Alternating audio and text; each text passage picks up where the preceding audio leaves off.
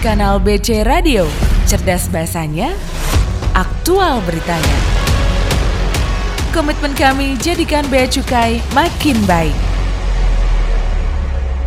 Kanal BC Radio Custom News and Entertainment Station masih bersama saya Faizur dan juga bersama dengan Pak Eri Utomo dari Direktorat Fasilitas Kepabeanan. Baik, tadi seperti sudah saya sebutkan sebelumnya bahwa kita akan mendengarkan bagaimana sih respon Bea Cukai terhadap maraknya kasus jual beli barang impor dari Batam. Namun sebelumnya nih, sahabat BC, kita mau tahu juga Pak Eri, mohon izin Pak, Hmm. bagaimana sih sebenarnya Pak prosedur barang kiriman dan barang penumpang nih di Batam, lebih tepatnya Pak di FTZ khususnya di Batam. Silakan Pak Eri. Ya, baik. Terima kasih Mas Faisur bahwa ketika kita bicara kepada FTZ, yang tadi kita sudah bahas bahwa FTZ itu merupakan sebuah kawasan yang berfasilitas fiskal, ya. Betul Pak.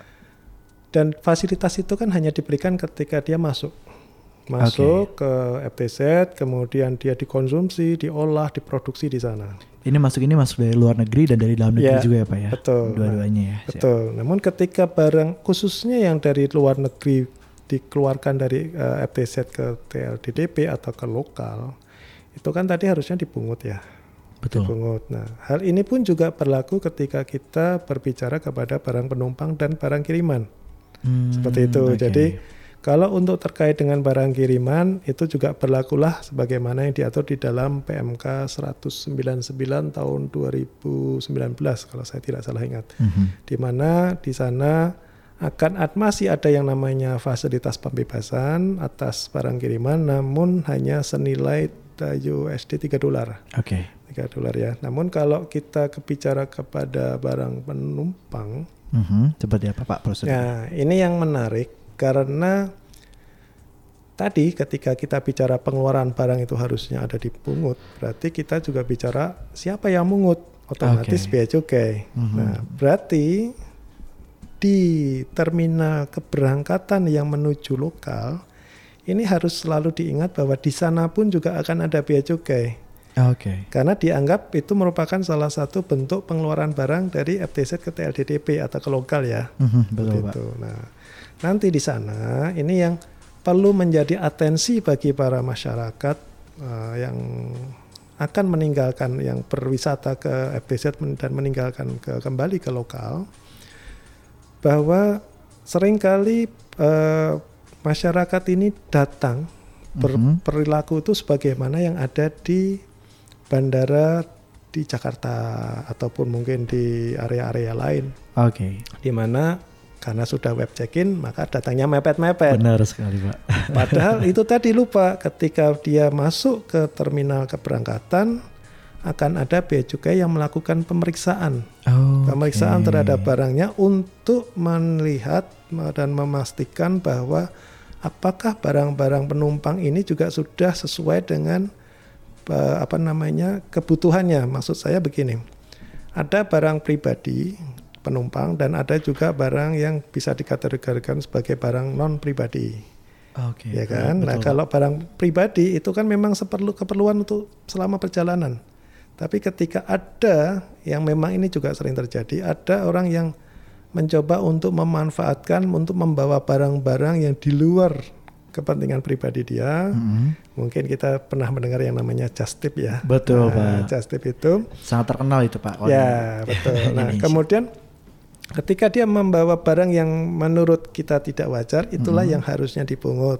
Nah, itu nanti yang khawatirnya ketika penumpang datangnya waktunya agak mepet, sementara ada pemeriksaan bea cukai, ini otomatis juga uh, akan memberikan dampak. Sehingga sangat disarankan ketika nanti penumpang yang akan meninggalkan FTZ ke lokal, kembali ke lokalnya ke Jakarta atau yang tempat lain, sangat disarankan untuk satu eh, dia datangnya memberikan waktu yang cukup. Mhm. Yang kedua dia juga memberitahukan kepada petugas bahwa apa yang dia bawa supaya nanti cepat untuk kalaupun ada pemeriksaan. Betul sekali Pak. Jadi kalau misalnya ada kendala nih Pak, misalnya terlambat lah, uh, let's say terlambat untuk naik ke pesawat, boarding ke pesawat, Ya. semua resiko ditanggung oleh penumpang. Oh iya.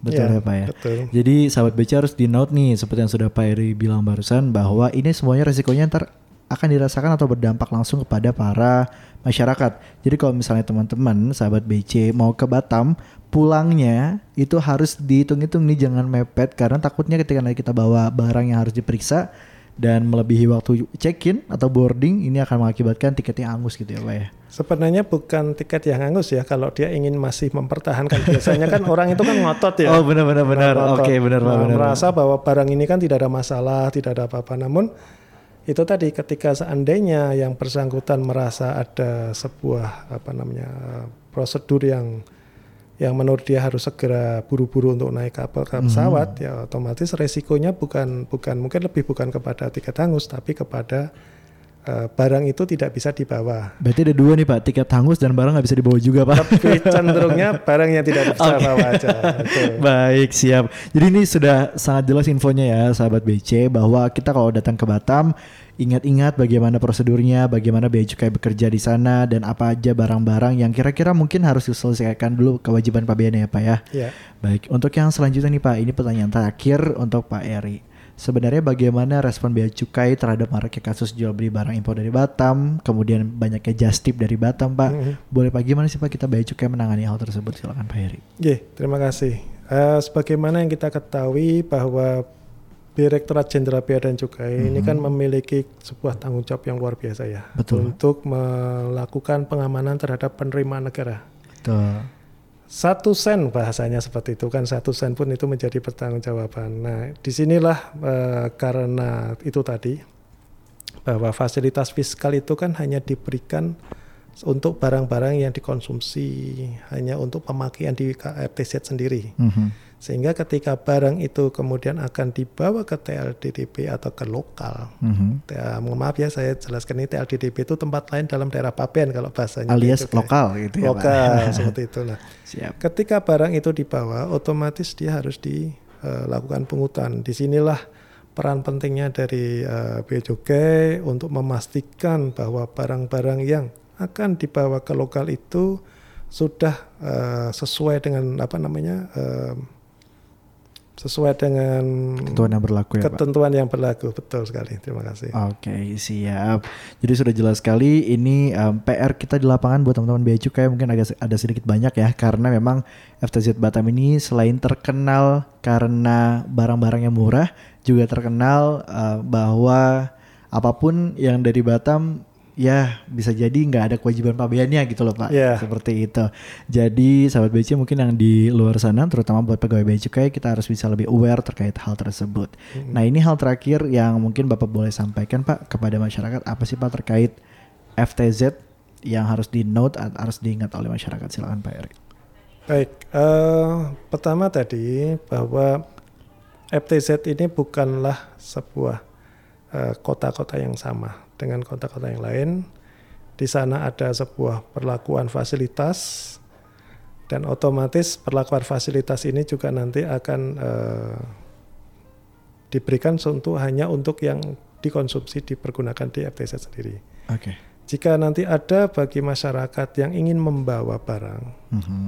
katakanlah itu lebih baik saran saya dikonsultasikan juga ke Bea Cukai bagaimana untuk pembawaan barang-barang seperti ini. Oke. Nah, karena apa? Karena ketika nanti da- katakanlah dari masyarakat membawa barang melalui barang penumpang ataupun melalui barang kiriman ya khususnya ya. Betul Pak.